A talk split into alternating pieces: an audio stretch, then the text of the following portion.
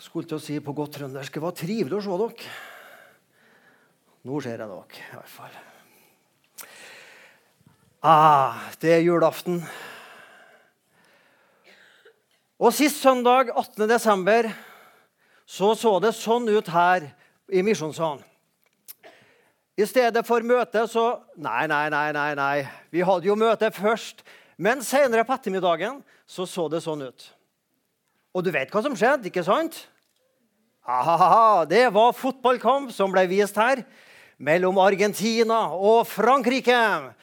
Og vi har til og med pynta, som dere ser på bildet. Altså, Fargene i flagget er lysa, ikke sant? Hæ? Ja, det er stilig. Og Der har du liksom de to beste spillerne, Messi og Mbappé. Messi for Argentina og Mbappé for, uh, for Frankrike, heter det. Nå var ikke jeg her sjøl, for jeg var en annen plass og så, så den kampen der. Men jeg vil tro det var mange her som ropte 'Messi! Messi! Messi!' Var det noen? Du, var det? Ja. Messi, Messi! Og jeg tenkte på det. Det er jo lettere å rope 'Messi, Messi' enn å rope 'Mbappé, Mbappé'. Hæ? Det var godt det var Argentina som vant. Messi! Tenk deg det. Messi, verdens beste fotballspiller på verdens beste fotballag. På, Ros øh, på Argentina, mente jeg, ja. Det var Argentina står det her, ja, i manuset. Ja. ja. Og det, det, var et rop i det argentinske folket. Det er for lenge siden 1986. Og Diego Arredondo, eller noe sånt heter Maradona. Ikke sant? 1986. Det er altfor lenge siden. Vi vil ha seier! Messi! Messi! Gi oss seier. Og det ble han og ikke Mbappé. Ja. Nå skal vi reise litt i tid. Ikke tilbake til 1986 og Diego Maradona, men vi skal enda lenger tilbake i tid. Her har du Messi vet du, med gullpokalen. He? Ja. Men vi skal back to, ikke to the future, men vi skal back to the past. Back til, eh, tilbake til fortiden. Så nå setter vi oss i tidskapselen og så reiser vi tilbake i tid. Og hvor tror dere vi lander hen? I år I år null, ja. Riktig. Vi skal tilbake til jødeland i år null. Og der møter vi jødefolket. Et folk som er undertrykt av romerne. Ydmyka, undertrykt av dette romerske folket, hedenske folkeslaget, som tilber andre guder enn Herren Gud, himmelens, jordens skaper. Og jødefolket som tror på Gud, Herren Gud, de er undertrykt. Og så er det et rop i folket. De roper etter Messias. Messias roper de etter, ikke sant? Jaha, nå skal vi gå tilbake. Der var det. Det er ikke Messi, men det er Messias de roper etter. Ja, og Messias det betyr frelserkongen som var lovt fra gammeltestamentlig tid. Du må komme og berge oss og redde oss. Hørte Gud den bønna? Hørte Gud den bønna? Ja. Noen som er litt i tvil her? Hørte Gud den bønna? Ja visst gjorde han det. Og han sendte en skikkelig krigerkonge, gjorde han det? Nei, han sendte et barn.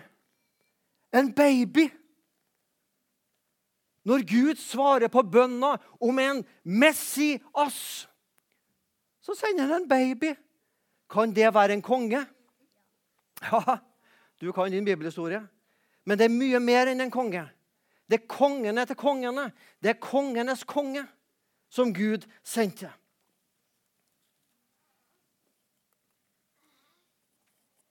Zakaria. Zakaria, far til døper Johannes. Han profeterte om denne barnet som om noen måneder skulle bli født. Og Zakaria sa det sånn.: Vår Gud er rik på miskunn. Slik skal lyset fra det høye gjeste oss som en soloppgang og skinne for dem som bor i mørket. Ah, hvilken lysende profeti! Vi tar den sammen, folkens. Skal vi det? Vår Gud er rik på miskunn.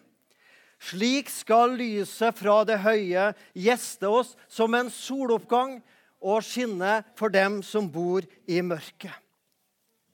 Lyset skinner i mørket. Ære være Gud i det høyeste. Kanskje noen trodde jeg skulle avslutte preika nå, for det bruker jo presten av og til å avslutte gudstjenester med. Men ikke helt ennå. Men ære være Gud i det høyeste. Ja, det var det som ble sagt på julenatt. Hvorfor synger vi 'ære være Gud'? Jo, fordi 'ære være Gud i det høyeste' kommer ned til det laveste. Han som bor i det høyeste, han som sitter på en kongestol i himmelen, omgitt av energiske, skinnende kjeruber, serafer og engler. Wow! Han kommer ned til det laveste, til syndige mennesker som deg og meg. Han legges i ei krybbe, i dyrenes matfat, i ei mørk og liten og kald grotte i Betlehem. Der legges kongenes konge, Messias, din og min bror.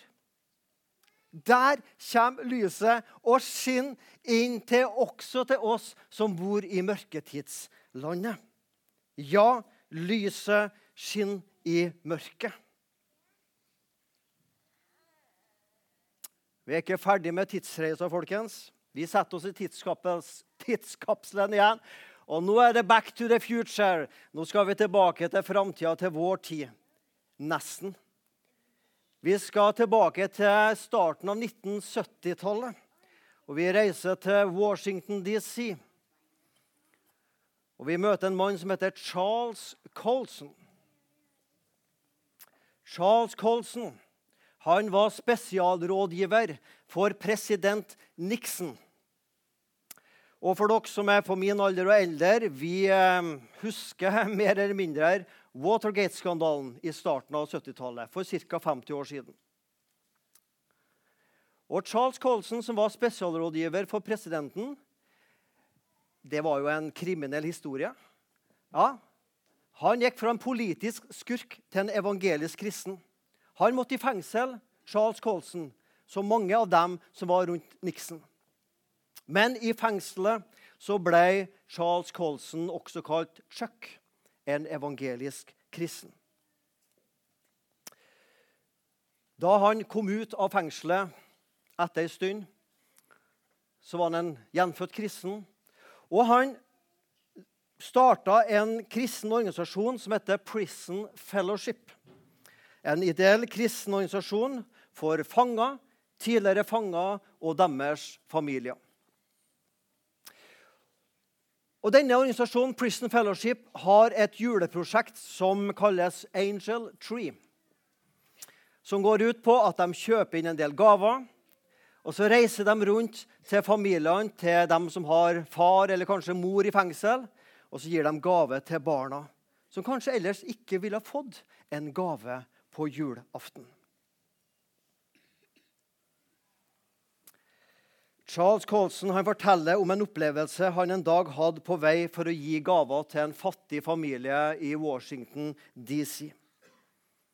Han kom til en gammel, slitt leilighet ja, der vinduene gjerne hang på én hengsel, og der varmeradiatorene var gått i stykker, og fire-fem unger sprang vilt omkring i huset. Far var i fengsel, og mor var på arbeid for å tjene noen dollar. Ja, Han går inn i leiligheten, og idet han kommer til leiligheten, så kommer det en liten gutt sånn mot han, springende mot han, kaster seg om han og gir han en stor klem. Hva heter du? spør Chuck til denne lille afroamerikanske gutten. Jeg heter Immanuel. Ja, vet du, jeg kommer fra far din med noen gaver til deg og søsknene dine. Men du, sa du at du heter Immanuel? Ja, ja, ja. ja. Veit du hva navnet ditt betyr? Nei, det visste ikke gutten. Kom her, skal du se hva navnet ditt betyr. Så tar denne Chuck Colson, spesialrådgiver for verdens mektigste mann, bøyer han seg ned på kne. Fra baklomma så tar han fram et Nytestamente, blar opp i Matteus, og så sier han til gutten Se her! Immanuel. Det betyr Gud er med oss. Akkurat idet de sitter på gulvet, så kommer mor til denne gutten hjem. Og gutten han kommer seg på beina.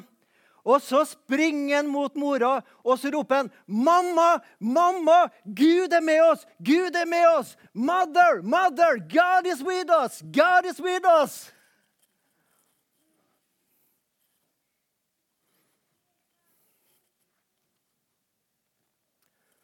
Chuck forteller at i ettertid, da han litt senere gikk nedover gata ut fra denne leiligheten, kald og snøfull dag i Washington DC hørte han ekkoet av denne guttens rop i ørene fortsatt. 'Mamma, mamma, Gud er med oss! Gud er med oss!' Og Charles Colson sa, 'Jeg visste at det er verdens håp. Gud er med oss.' Det var sant i år null, med barnet i krybben.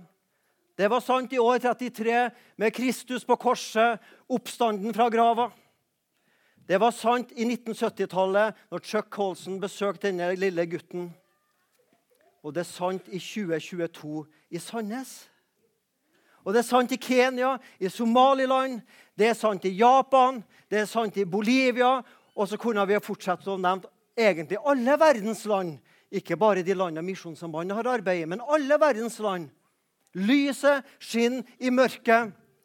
I ei kald leilighet i Kyiv, der det ikke er strøm og ikke vann. Der er Jesus. Der er Jesusbarnet. Gud er med oss. Og lyset skinner også for de onde menneskene som bestemmer i Moskva. Men de ser det ikke. Men lyset er for oss alle. Gud er nær oss. Gud er med oss. Det er vårt håp. Det er verdens håp. Det er derfor vi er samla her. Gud velsigne dere alle, og ei god jul.